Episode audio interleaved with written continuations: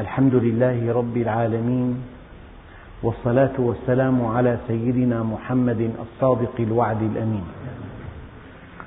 اللهم لا علم لنا إلا ما علمتنا إنك أنت العليم الحكيم. اللهم علمنا ما ينفعنا وانفعنا بما علمتنا وزدنا علما. وأرنا الحق حقا وارزقنا اتباعه. وأرنا الباطل باطلا وارزقنا اجتنابه واجعلنا ممن يستمعون القول فيتبعون أحسنه وأدخلنا برحمتك في عبادك الصالحين.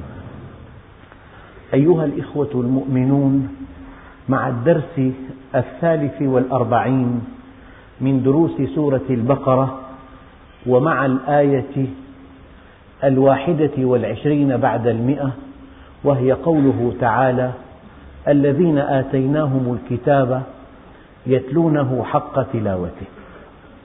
أولئك يؤمنون به ومن يكفر به فأولئك هم الخاسرون. يعني هؤلاء الذين أتيناهم الكتاب إذا تلوه حق تلاوته إذا تلوه كما أنزل عليهم من دون تحريف أو تغيير. إذا تلونه حق تلاوته يؤمنون بمحمد صلى الله عليه وسلم. لأن هذه الرسالات متتالية وكل رسالة تنسخ الرسالة السابقة. والذي آمن بالله عز وجل ينصاع إلى أمره وإلى الإيمان بما جاءه مجددا عن الله عز وجل. طبعا الآية وحدة آه، قد تفهم بمعنى آخر. تلاوة الكتاب حق تلاوته أن تحسن قراءته وأن تحسن فهمه وأن تحسن تدبره وأن تعمل به أن تحسن قراءته وأن تحسن فهمه وأن تحسن تدبره وأن تحسن العمل به. إن قرأته وفهمته وتدبرته معنى التدبر أي أين أنت من هذه الآية؟ هل أنت مطبق لها؟ قد تفهمه. ولكن يجب أن تقول ما علاقتي بها. هل أنا مطبق لها؟ هل أنا مقصر في تطبيقها؟ هل أنا مغطى بهذه الآية؟ هل هذه الآية تعنيني؟ التدبر أن تنظر ما علاقتك بهذه الآية. من أجل أن تأخذ موقفا. القرآن الكريم من دقة نظمه أن الآية إذا نزعت من سياقها لها معنى مستقل. فإذا وضعت في سياقها لها معنى آخر. مثلا حينما قال الله عز وجل ومن يتق الله يجعل له مخرجا. هذه الآية جاءت في سورة الطلاق. أي من يتق الله في تطليق زوجته يجعل الله له مخرجا في إرجاعها. طلقها طلاقا سنيا طلقها طلقة واحدة وطلقها في طهر ما مسها فيه ولم يطلقها في حيض ولم يطلقها في موضوع لا علاقة لها به فأبقاها عنده.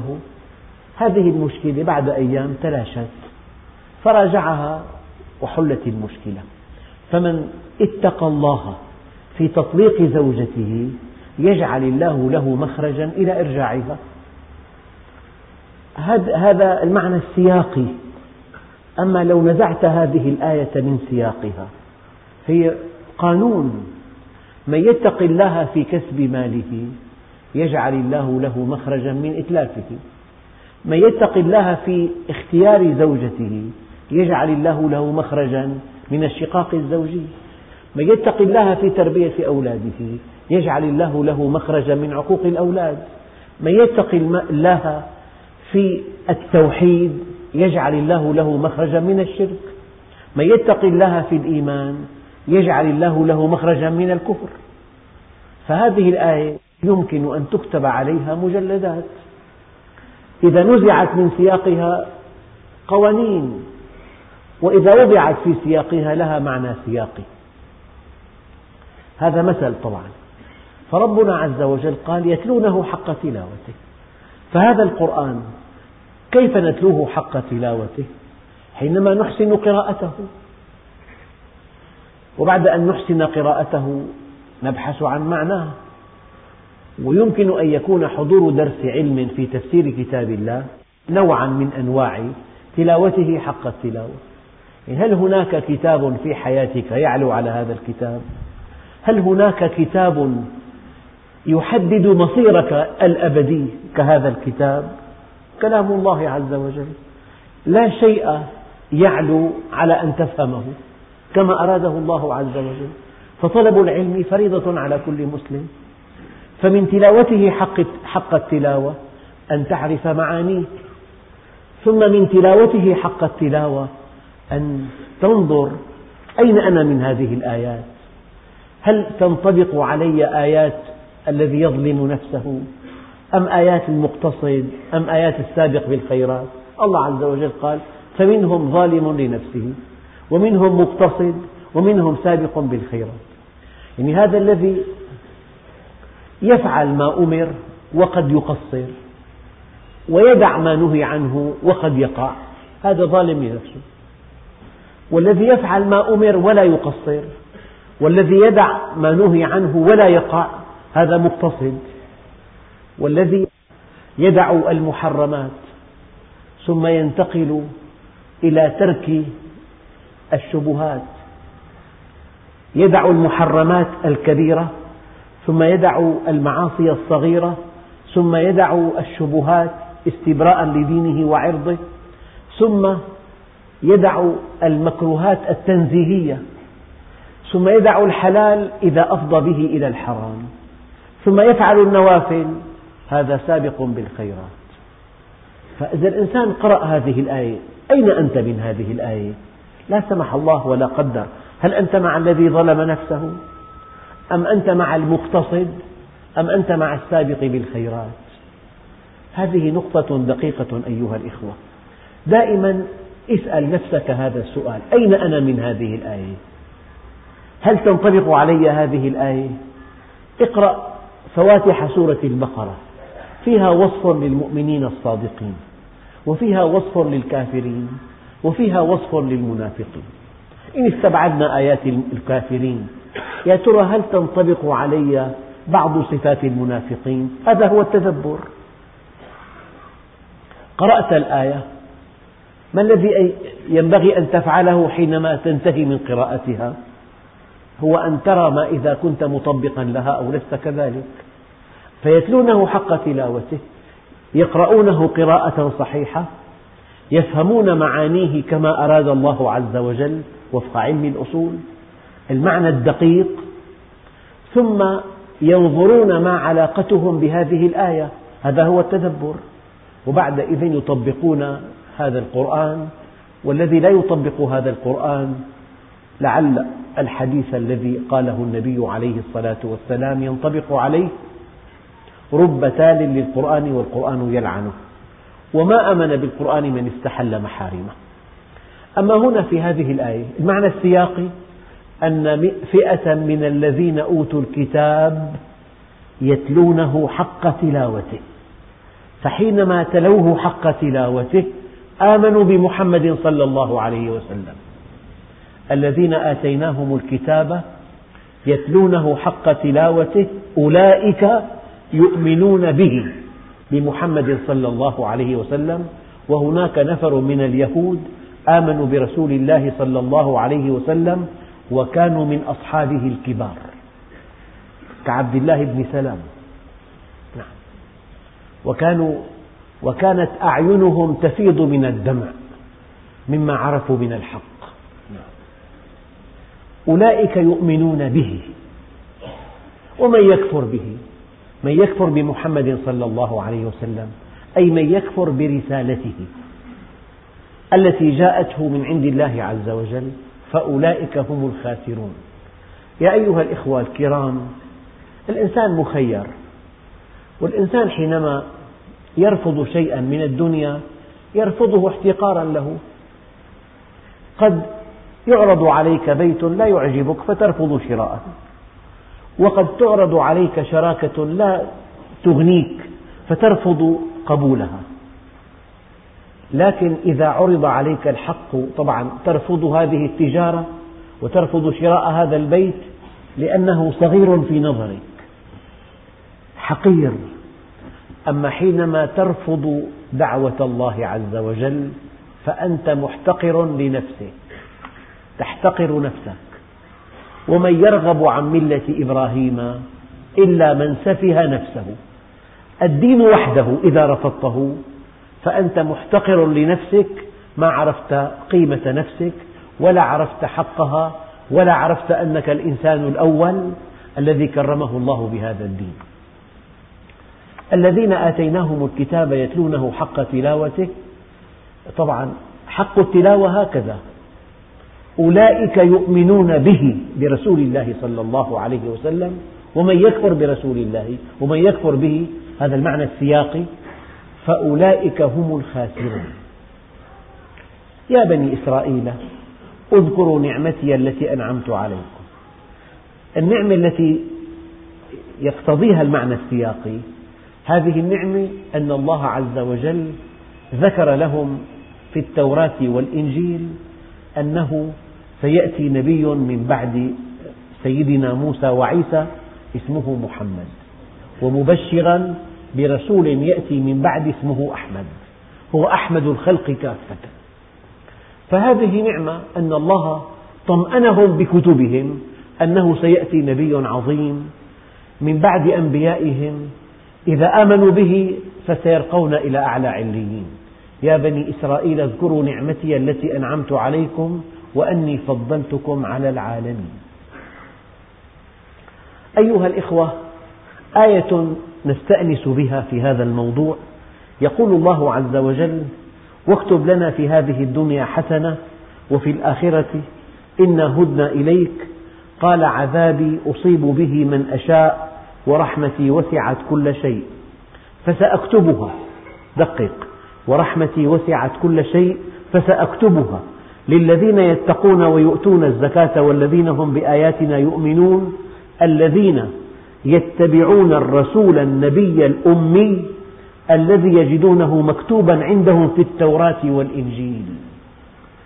يأمرهم بالمعروف وينهاهم عن المنكر ويحل لهم الطيبات ويحرم عليهم الخبائث ويضع عنهم إصرهم والأغلال التي كانت عليهم. فالذين آمنوا به بهذا النبي الأمي فالذين آمنوا به وعزروه ونصروه واتبعوا النور الذي أنزل معه أولئك هم المفلحون. آيات دقيقة جدا. إن آمنت برسول الله برسالته بهذا القرآن الذي جاء به بسنته المبينة لهذا الكتاب واتبعته ووقرته ونصرته وعزرته فأنت من الفالحين. يا أيها الإخوة ثم يقول الله عز وجل واتقوا يوما لا تجزي نفس عن نفس شيئا ولا يقبل منها عدل ولا تنفعها شفاعة ولا هم ينصرون. أيها الإخوة هذا هو اليوم الذي فيه تسوى الحسابات. هذا هو يوم الدين. هذا هو يوم الفصل. هذا يوم القارعة. هذا يوم الحاقة. هذا يوم الطامة الكبرى. هذا هو النبأ العظيم. الناس مختلفون أقوياء وضعفاء أغنياء وفقراء. آه، طلبوا العلم وزهدوا في العلم. استقاموا وانحرفوا آه، صدقوا وكذبوا أكلوا المال الحلال أو أكلوا المال الحرام عفوا أو اعتدوا على أعراض بعضهم بعضا. هؤلاء الناس بعجرهم وبجورهم بانحرافهم واستقامتهم لا بد من أن يقفوا يوما بين يدي الله عز وجل ليحاسبوا عن أعمالهم كلها صغيرها وكبيرها. فمن يعمل مثقال ذرة خيرا يره ومن يعمل مثقال ذرة شرا يره. العاقل كل العاقل والذكي كل الذكي والفالح كل الفالح والفائز كل الفائز والمتفوق كل المتفوق هو الذي يعد لهذا اليوم عدته. هو الذي يدخل هذا اليوم في حساباته اليومية. قبل أن ينطق بكلمة قبل أن يعطي قبل أن يمنع قبل أن يعادي قبل أن يقطع قبل أن يصل قبل أن يبتسم قبل أن يعبس قبل أن يغضب قبل أن يرضى. يجب أن يقول ماذا سأجيب الله يوم القيامة؟ لذلك الأبوة مسؤولية والعمل مسؤولية والحرفة مسؤولية. والله عز وجل سيسألنا عن كل أعمالنا صغيرها وكبيرها. يا ويلتى ما لهذا الكتاب؟ لا يغادر صغيرة ولا كبيرة إلا أحصاها. كتاب أعمال الإنسان. ووجدوا ما عملوا حاضرا ولا يظلم ربك أحدا. نحن الآن في بحبوحة. نحن في الدنيا. لك أن تحسن ولك أن تسيء. لك أن تصدق ولك أن تكذب. لك أن تبالغ ولك أن تقلل من أهمية شيء.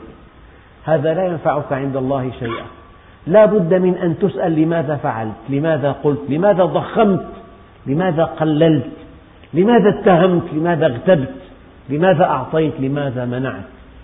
واتقوا يوما لا تجزي نفس عن نفس شيئا. نحن في الدنيا هناك تكتلات هناك جماعات. إنسان له أتباع له مكانة له سيطرة غني كبير قوي يحتل منصب رفيع. بإمكانه أن يفعل كل شيء. هذا في الدنيا. ولكن في الآخرة لا تجزي نفس عن نفس شيئا. يقول الله عز وجل أفمن حقت عليه كلمة العذاب؟ أفأنت يا محمد؟ يا سيد الخلق أفأنت تنقذ من في النار؟ يا فاطمة بنت محمد يا عباس عم رسول الله أنقذا نفسيكما من النار. أنا لا أغني عنكما من الله شيئا. لا يأتيني الناس بأعمالهم وتأتوني بأنسابكم. من يبطئ به عمله لم يسرع به نسبه. لو أنك استطعت أن تستخلص أو أن تأخذ من فم رسول الله وهو سيد الخلق وحبيب الحق فتوى لصالحك حكما لصالحك ولم تكن محقا لا تنجو من عذاب الله لعل أحدكم ألحن بحجته من الآخر. فإذا قضيت له بشيء فإنما أقضي له بقطعة من النار. أيها الإخوة هذه الآية دقيقة. واتقوا يوما لا تجزي نفس عن نفس شيئا ولا يقبل منها عدل ولا تنفعها شفاعة ولا هم ينصرون. هذه الآية رقمها 23 بعد المئة. من سورة البقرة. واضحة لنا وقفة معها بعد قليل. لكن هناك آية رقمها 48 في البقرة نفسها. يقول الله عز وجل واتقوا يوما لا تجزي نفس عن نفس شيئا تماما كهذه. ولا يقبل منها شفاعة ولا يؤخذ منها عدل ولا هم ينصرون. هناك فرق بين الآيتين. الآية التي نحن بصددها ولا يقبل منها عدل ولا تنفعها شفاعة. الآية الأولى ولا يقبل منها شفاعة ولا يؤخذ منها عدل ولا هم ينصرون. يعني لو أن ملكا غضب على رجل ولله المثل الأعلى غضبا شديدا وجاء إنسان ليشفع له هذا الإنسان الذي أراد أن يشفع له عند هذا الملك. قال لا يقبل منه شفاعة. شفاعته مرفوضة. فإذا أردنا أن نقدم الجزاء النقدي وهذا الجزاء لا يقبل. يعني في هذا اليوم الشفيع ترفض شفاعته. والبديل هو الجزاء النقدي غير مقبول. أما في هذه الآية هذه النفس الظالمة لا يقبل منها عدل يعني لو أنها عادت إلى الدنيا واستقامت رب ارجعوني لعلي أعمل صالحا فيما تركت. قال كلا. هذا هو العدل. لو بحثت عن شفيع لا تجد. يعني آية تشير إلى النفس الجازية والآية الثانية تشير إلى النفس المجزية عنها. يعني النفس الظالمة. لو بحثت عن عدل عدل ينجيها من عذاب هذا اليوم فقالت رب ارجعوني لعلي أعمل صالحا قال كلا. أمام بديل آخر لو بحثت عن شفيع ليس هناك من شفيع. أما النفس التي أرادت أن تتوسط وأن تشفع شفاعتها غير مقبولة. ولو طلبنا طالبنا بالجزاء النقدي الجزاء النقدي مرفوض. هذا هو اليوم الصعب. هذا فإذا نقر في الناقور فذلك يومئذ يوم عسير على الكافرين غير يسير. الإنسان قد تقف البنت أمام ربها يوم القيامة تقول يا ربي لا أدخل النار حتى أدخل أبي قبلي. فالإنسان قبل أن يفعل شيئا قبل أن يتجاوز قبل أن يطغى قبل أن يبغي على أخيه المؤمن قبل أن يكذب قبل أن يغتاب قبل أن يطعن قبل أن يتهم قبل أن يقلل من قيمة إنسان قبل أن يضخم إنسان. يجب أن يسأل نفسه ماذا سأجيب الله يوم القيامة؟ لو سئلت لم فعلت هذا؟ واتقوا يوما لا تجزي نفس نكرة. يعني أية نفس كائنة من كانت. لا تجزي نفس. أية نفس كائنة من كانت ولو كانت نفس رسول الله. أفمن حقت عليه كلمة العذاب؟ أفأنت تنقذ من في النار؟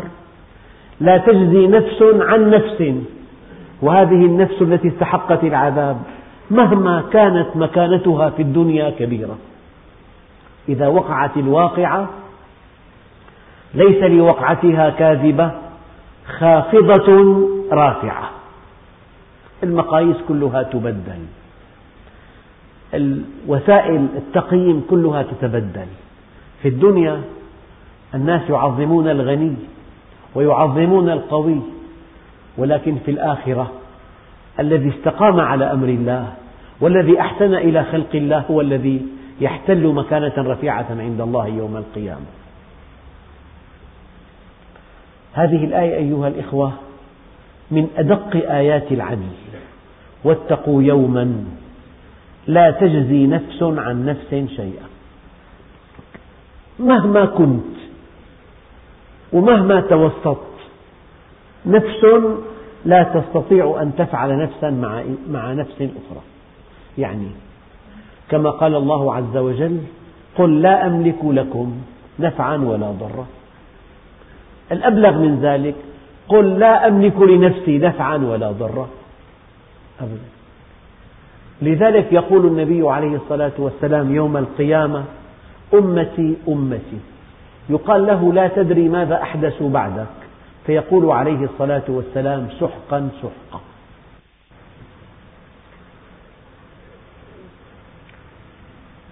واتقوا يوما لا تجزي نفس عن نفس شيئا ولا يقبل منها عدل. يعني بالدنيا في مخالفات تسوى بمبلغ من المال. هالمخالفة ثمنها فرضا مئة ألف مليون. بس لو أنه إنسان ارتكب خيانة عظمى لا بد من أن يعدم مثلا. فهي مخالفة لا تنفع فيها الجزاء النقدي. فالإنسان حينما يقف أمام عدل الله عز وجل مهما يكن شأنه في الدنيا كبيرا ومهما يكن الشفيع كبيرا لا الشفيع ينفعه ولا التعويض المالي ينفعه. واتقوا يوما لا تجزي نفس عن نفس شيئا. هو الإنسان بصراحة أيها الإخوة أحد أكبر أركان الإيمان الإيمان باليوم الآخر. والله الذي لا إله إلا هو. حينما تؤمن بهذا اليوم إيمانا حقيقيا الموازين كلها تنعكس أمامك. قبل الإيمان بهذا اليوم ترى ذكاءك في الأخذ. أما إذا آمنت بهذا اليوم ترى الذكاء في العطاء. قبل الإيمان بهذا اليوم ترى أنك إذا استفدت من جهود الآخرين هذا مكسب كبير. أما بعد أن تؤمن بهذا اليوم ترى أنك حينما تبذل جهدك للآخرين هذا هو الفوز. الناس الآن يفرحون بمكسب حرام بمال حرام يعد نفسه ذكي وشاطر. حينما يأخذ ما ليس له حينما يوهم الناس أنه على شيء وهو ليس على شيء. هذا نوع من ضعف التوحيد وضعف الإيمان بالله. اتقوا هذا اليوم. هذا اليوم يومئذ تعرضون لا تخفى منكم خافية. لا تخفى منكم خافية. كل شيء مكشوف وكل شيء له حساب. فمن يعمل مثقال ذرة خيرا يره ومن يعمل مثقال ذرة شرا يره. المؤمن دائما في عنده هاجس مستمر. هل هذا العمل شرعي؟ هل يرضى الله به عني؟ هل موقفي غير صحيح؟ هل أنا مؤاخذ؟ هل أعد ظالما؟ هل أعد متجاوزا لحدودي؟ هذا الصراع اليومي الساعي بين المؤمن ونفسه دليل قوة إيمانه لذلك المؤمن يتقلب باليوم الواحد بأربعين حال بينما المنافق بيستقر بأربعين سنة على حال واحد المؤمن يتقلب بيوم واحد بأربعين حال من شدة خوفه من الله والمنافق يستقر على حال واحد أربعين سنة. ولا يقبل منها عدل. يعني ما في شيء بكافئ. لو أن الإنسان أراد أن يفتدي نفسه من النار بملء الأرض ذهبا ما في. لو أن الأرض كلها ذهب. وكانت بيد إنسان استحق النار. لو أنفقها كلها لا ينجو من عذاب الله. ولا يقبل منها عدل يعني شيء بكافئ دخول النار. ولا تنفعها شفاعة. لو أنه ابن نبي قال رب إنه ابني وإن وعدك الحق وأنت أرحم الراحمين. قال يا نوح إنه ليس من أهلك إنه عمل غير صالح. فلا تسألني ما ليس لك به علم. إني أعظك أن تكون من الجاهلين. نعم. ولا تنفعها شفاعة ولا هم ينصرون. سيدنا رسول الله عليه الصلاة والسلام عمه أبو لهب عمه تبت يدا أبي لهب وتب حينما تؤمن بعدل الله المطلق وحينما تؤمن أن الخلق كلهم عند الله سواسية سيدنا عمر قال كلمات بليغات لسيدنا سعد. سيدنا سعد من هو سيدنا سعد؟ هو من أقرب أصحاب رسول الله إلى قلب النبي. النبي عليه الصلاة والسلام ما فدى أحدا من أصحابه إلا سعدا. قال له ارمي سعد فداك أبي وأمي. أن يقول نبي عظيم. لصحابي جليل فداك أبي وأمي. ارمي سعد فداك أبي وأمي. وكان إذا دخل على النبي عليه الصلاة والسلام كان من شدة محبته له يداعبه. يقول أروني خالا مثل هذا خالي. أروني خالا مثل خالي. ماذا قال له عمر بعد وفاة رسول الله؟ يا سعد دققوا لا يغرنك أنه قد قيل خال رسول الله. فالخلق كلهم عند الله سواسية. ليس بينه وبينهم قرابة إلا طاعتهم له. يعني ما في شيء بينك وبين الله إلا طاعتك له. فبطاعتك له ترقى إلى أعلى عليين. ومهما يكن نسبك ومهما تكن مكانتك ومهما تكن شهادتك ومهما يكن حجمك الاجتماعي فإن عصيت الله عز وجل تهوي إلى أسفل سافلين. إن أكرمكم عند الله أتقاكم. هذا مقياس ربنا عز وجل. إن أكرمكم عند الله أتقاكم. سلمان منا آل البيت. تبت يدا أبي لهب وتب. أين النسب؟ انتهى النسب. سلمان الفارسي منا آل البيت. عم النبي القرشي الهاشمي. تبت يدا أبي لهب وتب. هذا المقياس الدقيق. في عندنا مقياس واحد العلم والعمل. يرفع الله الذين آمنوا منكم والذين أوتوا العلم درجات ولكل درجات مما عملوا. ليس في القرآن من قيمة معتمدة في الترجيح بين خلقه إلا العلم والعمل. ترقى بعلمك رتبة العلم أعلى الرتب وترقى بعملك. ما سوى ذلك نسب مكانة وسامة ذكاء. هذه مقاييس الدنيا. وإذ ابتلى إبراهيم ربه بكلمات فأتمهن في عنا كلمة إذا وكلمة إذ.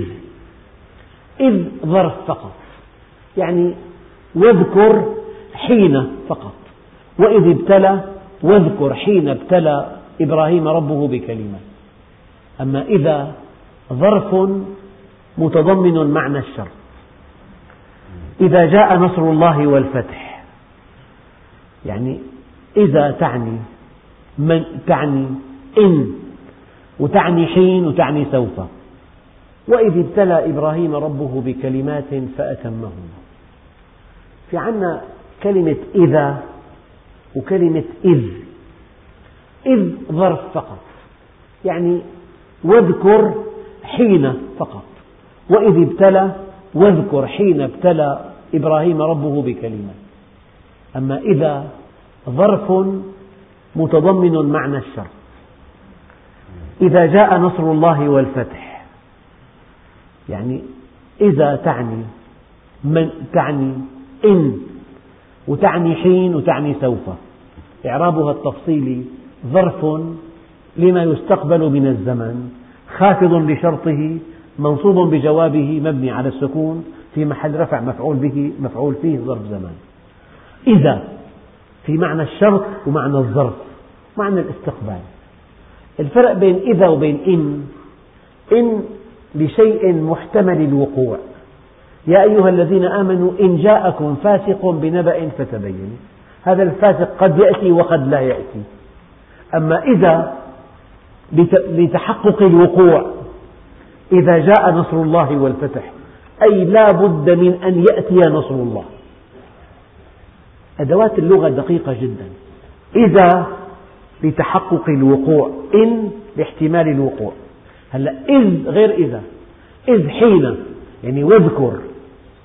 يا محمد حين ابتلى إبراهيم ربه بكلمات طبعا ابتلى من الابتلاء والابتلاء ليس شرا. ابتلاء امتحان. إذا إنسان دارس ودخل امتحان ونال الدرجة العليا صار طبيب كبير أو مهندس كبير أو له مكانة اجتماعية عالية. فكلمة ابتلاء لا تعني أنه مصيبة. ابتلاء امتحان مطلق الامتحان. قد تنجح وقد لا تنجح. وإذ ابتلى إبراهيم ربه. أحسب الناس أن يتركوا أن يقولوا آمنا وهم لا يفتنون؟ لا بد من أن تبتلى. نعم. سئل الإمام الشافعي أندعو الله بالابتلاء أم بالتمكين؟ فقال رضي الله عنه لن تمكن قبل أن تبتلى. لن تمكن قبل أن تبتلى. يعني وطن نفسك أيها المؤمن أنه لن يسمح لك بدخول الجنة إلا إذا امتحنت الامتحانات كلها في امتحان الضعف. النبي امتحن بالضعف في الطائف. قال رب إن لم يكن بك غضب علي فلا أبالي ولك العتبى حتى ترضى. هذا امتحان القهر. كذبوا وسخروا منه وأساءوا إليه وقال اللهم اهد قومي إنهم لا يعلمون. امتحن امتحان القهر فصبر.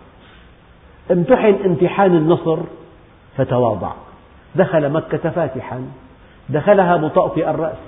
حتى كادت ذؤابة عمامته تلامس عنق بعيره تواضعا لله عز وجل. بينما التاريخ يشهد أن كل الفاتحين يتغطرسون يسفكون الدماء يستبيحون الحرمات. هو قال من دخل دار أبي سفيان فهو آمن ومن دخل بيت الله الحرام فهو آمن ومن دخل بيته فهو آمن. وما تظنون أني فاعل بكم؟ قالوا أخ كريم. وابن أخ كريم قال اذهبوا فأنتم الطلقاء. هذه واحدة. الآن امتحن امتحان الفقر. دخل بيته صلى الله عليه وسلم. فقال أعندكم شيء نأكله؟ قالوا لا. قال فإني صائم. في بيت من بيوتات المسلمين ما في شيء إطلاقا تأكله؟ مستحيل. امتحن امتحان الفقر فصبر. امتحن امتحان الغنى فشكر. لمن هذا الوادي يا رسول الله؟ قال هو لك. قال أتهزأ بي؟ قال لا والله هو لك. قال أشهد أنك رسول الله. تعطي عطاء من لا يخشى الفقر. امتحن بموت الولد. فقال إن العين لتدمع وإن القلب ليحزن ولا نقول إلا ما يرضي الرب وإنا عليك يا إبراهيم لمحزونون. امتحن امتحان فقد الولد. امتحن امتحان قد لا يحتمله معظمكم. أن يقال عن زوجته إنها زانية. هذا امتحان الإفك. وانقطع الوحي أربعين يوما وهو صابر. هذا امتحان شديد. امتحن امتحان الهجرة. امتحن بمؤامرات حيكت ضده. وبشعراء هجوه. يعني قال عليه الصلاة والسلام أوذيت وما أوذي أحد مثلي وخفت وما خاف أحد مثلي ومضى علي ثلاثون يوما لم يدخل جوفي إلا ما يواريه إبط بلال. يعني أم حسبتم أن تدخلوا الجنة ولما يعلم الله الذين جاهدوا منكم ويعلم الصابرين؟ أحسب الناس أن يتركوا أن يقولوا آمنا وهم لا يفتنون؟ في جامعة بالأرض تقدم طلب هيك سطرين يرجى منح درجة الدكتوراه بمرتبة امتياز وشكرا. توقيع طابع ورقة وربع. ثاني يوم تأخذ دكتوراه في جامعة بغداد بيقول لك متت مليون موتة أخذت الشهادة. 33 سنة دراسة. 33 سنة حتى الساعة الثانية ليلا. كم كتاب قرأ؟ كم كتاب ألف؟ كم موضوع أعده؟ كم ساعة داوم؟ كم؟ في إنسان يعني في جهة بالأرض تعطي شيء بلا امتحان. في مدرسة في الأرض ما في امتحانات. هذه الجنة التي عرضها السماوات تريدها بلا عمل بركيعات جوفاء بدريهمات تلقيها في يد فقير. وانتهى الأمر وأنت مقيم على كل الشهوات. أخواننا الكرام نحتاج إلى مراجعة حسابات. هذه الجنة يعني أفمن هذا الحديث تعجبون وتضحكون ولا تبكون وأنتم سامدون؟ كلام مخيف مصير أبدي. الآن الطائع والعاصي يعيشان ويأكلان ويشربان وينامان واثنين ساكنين ببيوت ولهم مراكب وعندهم تجارة. الآن الأوراق مختلطة. نحن في دار امتحان لأنه أما يوم القيامة وامتازوا اليوم أيها المجرمون. قفوا في مكان واحد. نحن في الدنيا أثناء العام الدراسي الطلاب كلهم لابسين اللبس النظامي ويدخلون الصفوف ويستمعون ويلعبون ويضحكون. أما عند النتائج طالب يكاد يرقص من الفرح وطالب يبكي من شدة الألم. في الدنيا في امتحانات. فلذلك وإذ ابتلى إبراهيم ربه ابتلى هو الامتحان. ولا بد من أن نمتحن. ودقق قل ما شئت. قل ما شئت. أعط نفسك الحجم الذي تريد. لكن الله متكفل أن يحجمك. أن يضعك في ظرف دقيق دقيق يكشف لك عن حجمك الحقيقي. أنا لا آخذ درهم حرام. صح. ترفض الألف والألفين والخمسة آلاف وعشرة آلاف. إجاك مليونين. بتفكر عندي أولاد. عندي أولاد. رسبت في الامتحان. فالإنسان يمتحن والدنيا كلها امتحان. وأنت ممتحن في اليوم مئات المرات باليوم الواحد.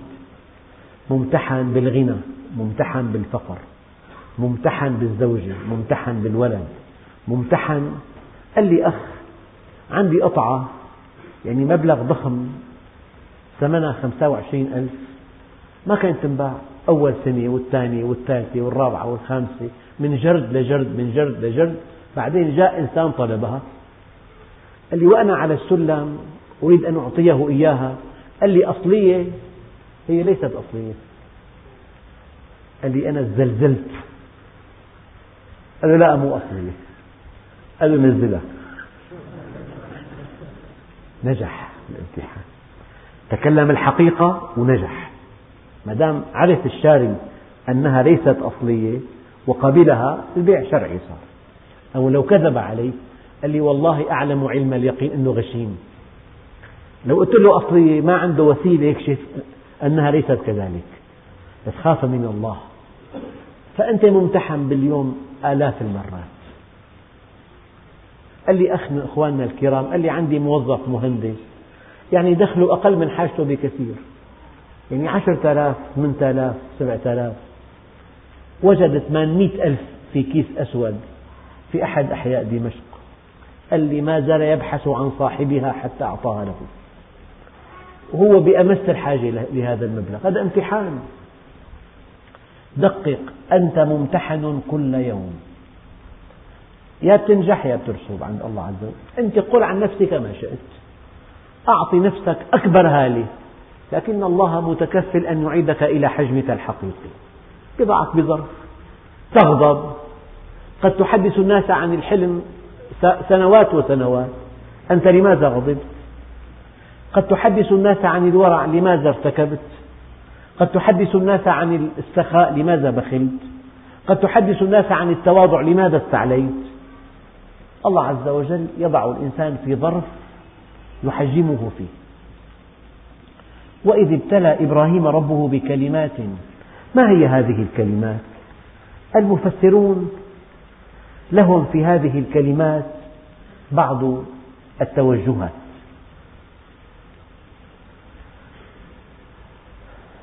أولا الكلمة بالمناسبة باللغة في عنا مفرد وعنا جملة. المفرد لا يفيد معنى تام. تقول مثلا تفاحة. هذا معنى غير تام. تفاحة حلوة المذاق معنى تام. تفاحة كبيرة معنى تام. يعني الصفة والموصوف مبتدأ والخبر الفعل والفاعل. هي جملة. المفرد لا يفيد معنى تام. وإن كان في مفارقة. أنا كنت أضربها للطلاب كمثل. هلا مثلا لو قلت كان في عندنا مؤسسة اسمها إعادة تسيير الخط الحديدي الحجازي. لو قلت مثلا المدير العام لمؤسسة إعادة تسيير الخط الحديدي الحجازي في القطر العربي السوري كم كلمة؟ 16 كلمة. باللغة مفرد هذا. شو ما أفدت معنى. ثلاثة عشر كلمة جاءت متتابعة وهي في اللغة مفرد. ماذا حل به؟ عزل كوفئ عوقب.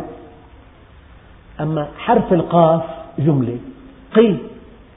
من وقى يقي قي. في فاء فقط جملة. من وفى يفي في. في أمر وفي فاعل ضمير مستتر. فالجملة تعطي معنى تاما. أما المفرد يعطي معنى ناقصا. كلمة. طيب ما لها أما مبتدأ وخبر جملة فعل وفاعل جملة.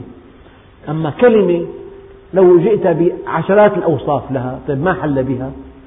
المدير. مدير رئيس مجلس إدارة مؤسسة إعادة تسيير الخط الحديدي الحجازي في القطر العربي السوري. كم كلمة دولة؟ باللغة مفرد. لم تفد معنى تاما. أما كلمة قي تفيد معنى تام هذا في اللغة. أما في القرآن الكلمة تعني الجملة أو تعني الأمر. مثلا وينذر الذين قالوا اتخذ الله ولدا. اتخذ الله ولدا. ما لهم به من علم ولا لآبائهم. كبرت كلمة تخرج من أفواههم. إن يقولون إلا كذبا وقالوا اتخذ الله ولدا. هذه عند الله كلمة واحدة. إذا الكلمة في القرآن تعني الأمر أو تعني الجملة. نعم. وإذ ابتلى إبراهيم ربه بكلمات. الكلمات قالوا في أربع سور التائبون العابدون الحامدون السائحون الراكعون الساجدون الآمرون بالمعروف والناهون عن المنكر والحافظون لحدود الله وبشر المؤمنين. هي كلمات عشر. وفي سورة المؤمنون قد أفلح المؤمنون الذين هم في صلاتهم خاشعون والذين هم عن اللغو معرضون والذين هم للزكاة فاعلون والذين هم لفروجهم حافظون إلا على أزواجهم أو ما ملكت أيمانهم فإنهم غير ملومين فمن ابتغى وراء ذلك فأولئك هم العادون والذين هم لأماناتهم وعهدهم راعون والذين هم على صلواتهم يحافظون أولئك هم الوارثون الذين يرثون الفردوس هم فيها خالدون. وهذه عشر كلمات أخرى. إن المسلمين والمسلمات والمؤمنين والمؤمنات والقانتين والقانتات والصادقين والصادقات والصابرين والصابرات والخاشعين والخاشعات والمتصدقين والمتصدقات والصائمين والصائمات والحافظين فروجهم والحافظات والذاكرين الله كثيرا والذاكرات أعد الله لهم مغفرة وأجرا عظيما.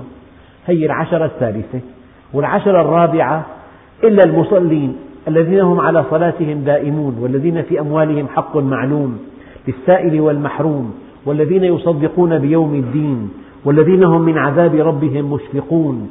إن عذاب ربهم غير مأمون والذين هم لفروجهم حافظون إلا على أزواجهم أو ما ملكت أيمانهم فإنهم غير ملومين فمن ابتغى وراء ذلك فأولئك هم العادون والذين هم بشهاداتهم قائمون والذين هم على صلاتهم يحافظون أولئك في جنات مكرمون ابن عباس رضي الله عنهما يقول إن هذه الكلمات في هذه السور الأربع وكل سورة فيها عشر صفات للمؤمنين.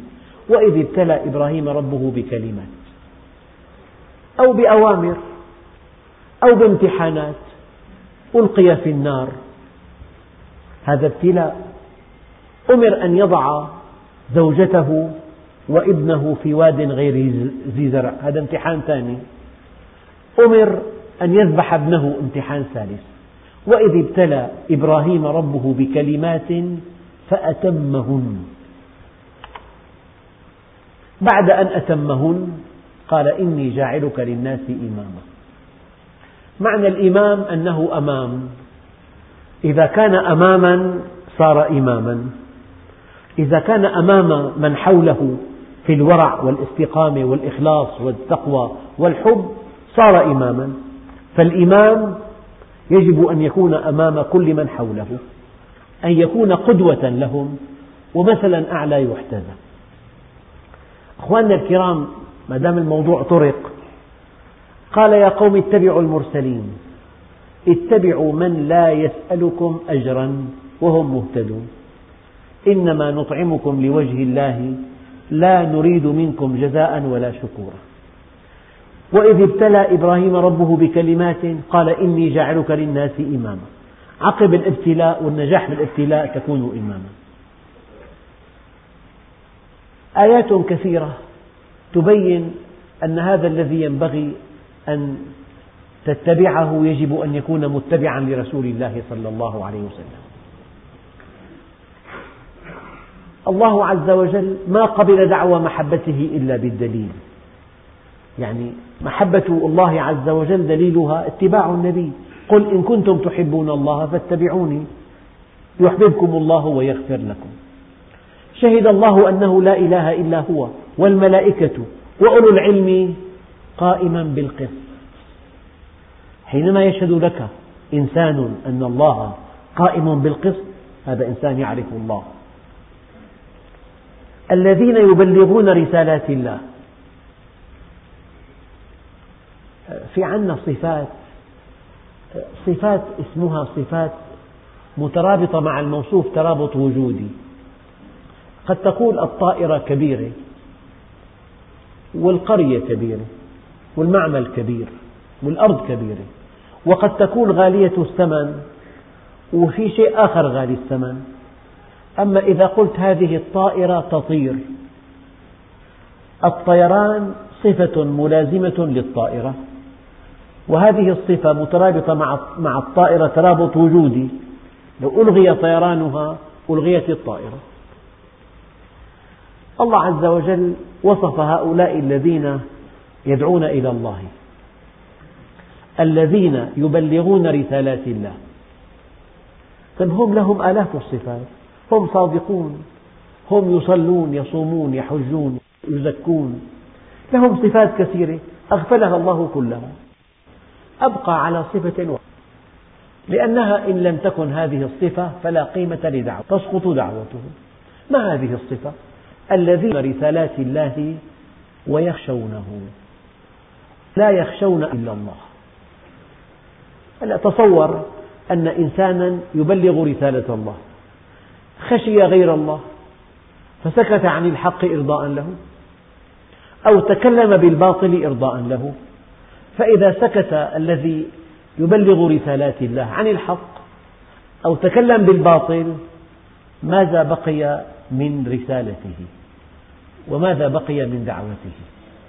فهذه بعض الآيات التي تبين أن الله عز وجل لا يسمح لك أن تدعو إليه إلا إذا امتحنت.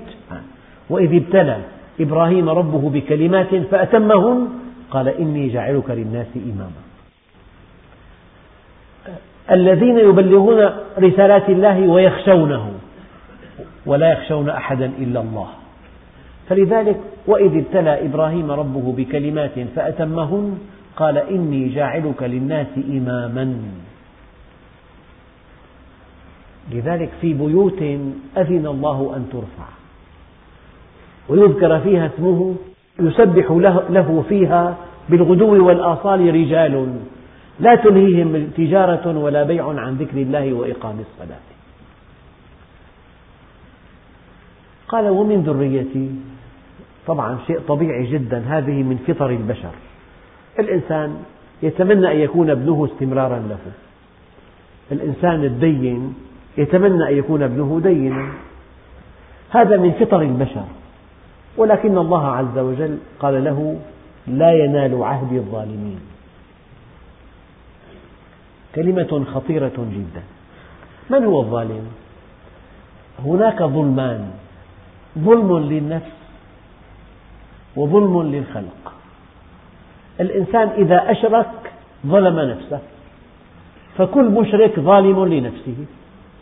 أشد أنواع الظلم أن تبعد نفسك عن الله. وأن تسير في طريق مناقض للطريق إلى الله.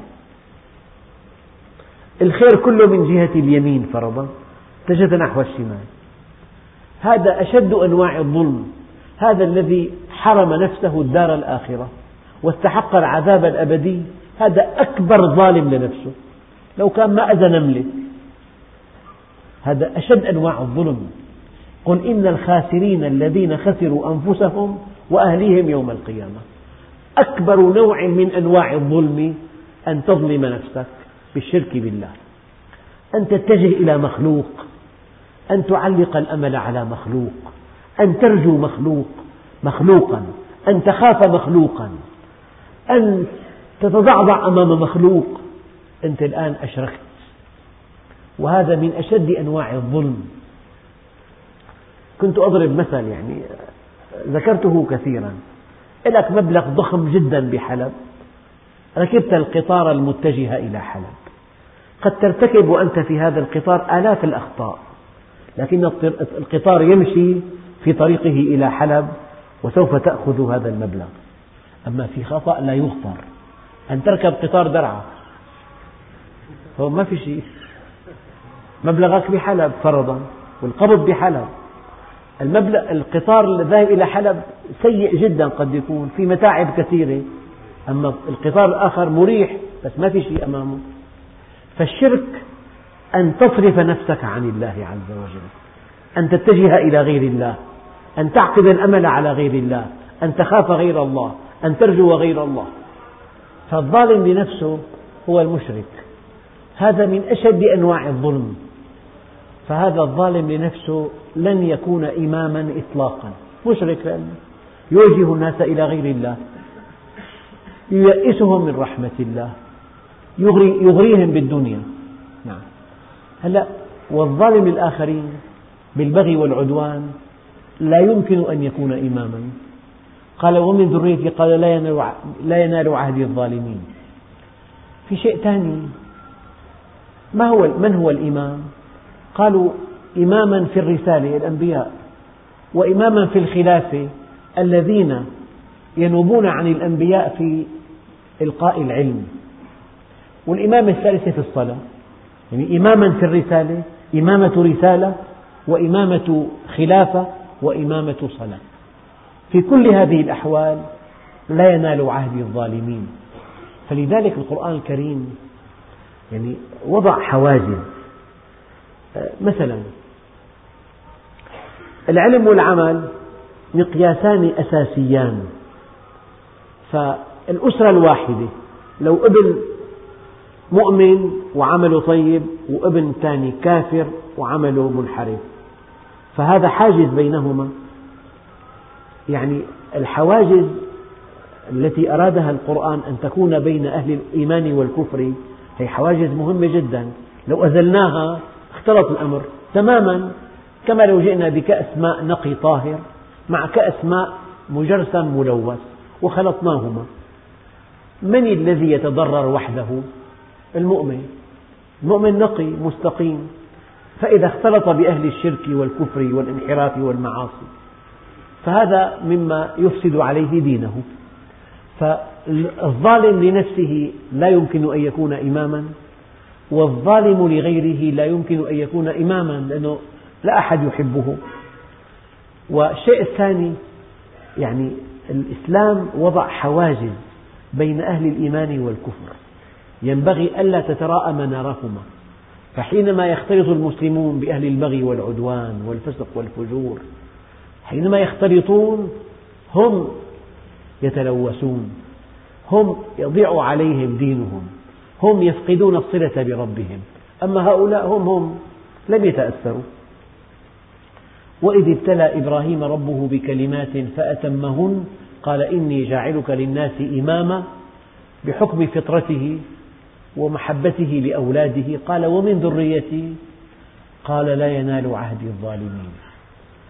يعني بموضوع الدعوة إلى الله عز وجل بموضوع الدعوة إلى الله حصرا أنه الإنسان يخلف إنسان ليس هذا واردا إطلاقا. بده يكون الأول أهل والثاني أهل. قد يأتي. سيدنا إبراهيم كان ابنه آه، نبي أيضا. قال لا ينال عهد الظالمين وفي درس قادم إن شاء الله نتابع هذه الآيات وإذ جعلنا البيت مثابة للناس وأمنا واتخذوا من مقام إبراهيم مصلى وعهدنا إلى إبراهيم وإسماعيل أن طهرا بيتي للطائفين والعاكفين والركع السجود والحمد لله رب العالمين. أخواننا الكرام في سؤال يعني أنا ما أدري مبلغ هذا السؤال في جديته. تقول أخت كريمة سائلة علمت أن أخذ النطفة من في حالة الزوج العقيم من معط هي حرام لأنها تؤدي إلى ضياع النسب. يعني إذا كان في إنجاز علمي الآن هو طفل الأنابيب طفل الأنابيب.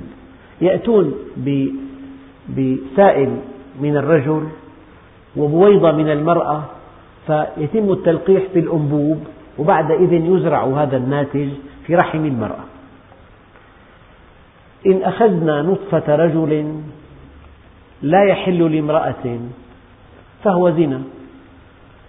واضح كالشمس. ومجمع الفقه الإسلامي أقر هذا. يعني امرأة تأخذ نطفة رجل غير زوجها لو نجحت العملية فهو زنا. فهون السؤال الأول أخذ النطفة في حالة الزوج العقيم من معطي هي حرام لأنها تؤدي إلى ضياع الأنساب. قال سؤالها هل أخذ البيضة من متبرعة في حالة الزوجة العقيمة؟ بالعكس هلأ زوج صحيح البنية وسائله جيد أما زوجته في عندها قصور مبيض باكر. فلو أن أختها أعطت بويضة لتلقح بها يلقح بها ماء هذا الرجل. كمان زنا واضح كالشمس. وإذا كان امرأة غريبة أيضا زنا يعني ما في غير عنا حالة من ست حالات. أقرها مجمع الفقه الإسلامي. أن يؤخذ ماء الزوج وبويضة الزوجة وتوضعان في أنبوب. هذا الحكم صحيح ما في شيء. لكن ما الذي يحصل؟ هناك من يحرم هذا سدا للذريعة. الذي يحصل أن بعض الأطباء الذين يفعلون هذه العمليات لا يخافون الله عز وجل. هم يأخذون كمية كبيرة من سائل رجل يحفظونه عندهم في بنك. فإذا جاءتهم امرأة ولم ينجح ماء زوجها يأخذون من ماء هذا الرجل دون أن يعلموها.